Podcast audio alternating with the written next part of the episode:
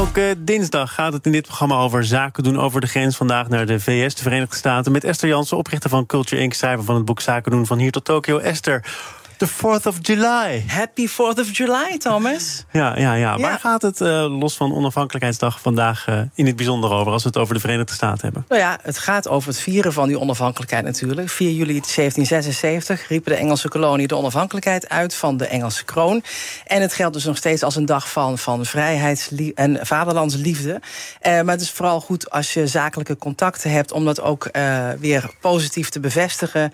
en veel complimenten uit te delen. En ik zou ook zeker naast Happy 4th of July iets zeggen in de trant van we appreciate your part of our business and we wish you a fun and relaxing day with your family and friends. Complimenten, als je ze kunt uitdelen, altijd doen. Altijd doen, inderdaad. Het is heel belangrijk om veel positieve aanmoedigingen te geven, veel positieve bevestigingen. Maar waarom nou specifiek op, op 4 juli? Wat zou een aanleiding kunnen zijn?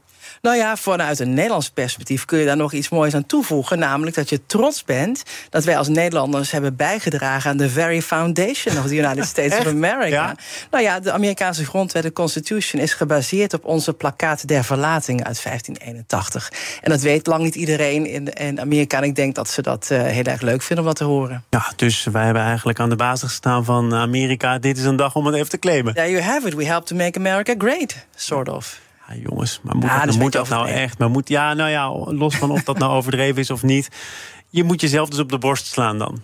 Uh, ja, complimenten uitdelen is belangrijk. En uh, ja, wij vinden dat snel opschepperig. Maar ik denk dat dat in Amerikaanse optiek helemaal niet zo is. You have to show your confidence. Dat is iets heel anders. En wij zijn ook gewoon oude allies van de Verenigde Staten. Zoals premier Rutte dat twee jaar geleden ook mooi wist te vertellen. Toen hij in die Oval Office zat. Oh, ja. Bij toenmalig president Trump. Ja. Nou ja, nee, dat is misschien toch net wat meer uh, verdwenen in het collectieve geheugen. En iets anders is daarvoor in de plaats gekomen. Wat hij daar deed, toch? Dat was niet echt een ondergeschikte houding. Ja. Nee, dat was een van de weinige keren dat ik, zelfs ik, ook een directe Hollandse manier van communiceren wel kon waarderen in het buitenland. Hij onderbrak Trump toen hij aangaf dat het ook goed was als een trade deal met de EU niet zou doorgaan. En toen zei Rutte eigenlijk doodleuk: uh, no. That's not good. Nee, ja, ik herinner me dat, ja. dat, ik vond het vrij hilarisch, want het was echt een Pavlov-reactie. Hij vond het echt een slecht idee. En, en hij, dat wilde hij ook te, ter plekke meteen duidelijk maken. Was het effectief? Hè? Ik bedoel, jij begon hier te zeggen, wees vooral positief, deel complimenten uit, zeg wat je aan de ander hebt en dan dit. Ja, nou, ik denk dat in dit geval door zijn pushback dat hij bij de persoon Trump misschien wel effect heeft gesorteerd, maar in het algemeen zou ik het niet aanraden. Ik denk dat je beter kunt zeggen dat je ervan overtuigd bent dat een trade deal natuurlijk de beste voordelen zal bieden voor beide. En dat uh, ja, complimenten uh, zijn toch wel degrees van het sociale verkeer in, in de Verenigde Staten. Je moet eigenlijk altijd positief binnenkomen.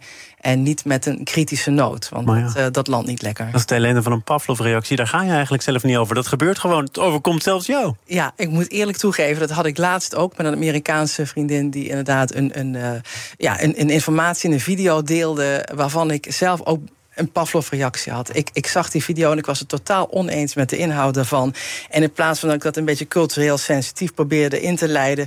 kon ik eigenlijk alleen maar uitroepen van... I totally disagree, this is completely unfounded. en en het, het kwam echt zo, uh, ja, het kwam uit mijn tenen vandaan. En later dacht ik natuurlijk, ja, dit is dus niet zoals het hoort. We moeten repareren. repareren, dus ik heb na afloop natuurlijk meteen wel uh, haar ontzettend bedankt. I appreciate uh, sharing this information with me. I very much appreciate it. En, en, en heel bedankt voor het, uh, het bieden van andere perspectieven. En dat ik het, uh... Maar moet je nou jezelf ook dan als Nederlander een beetje geweld aan doen? Want wij zijn er toch niet zo van?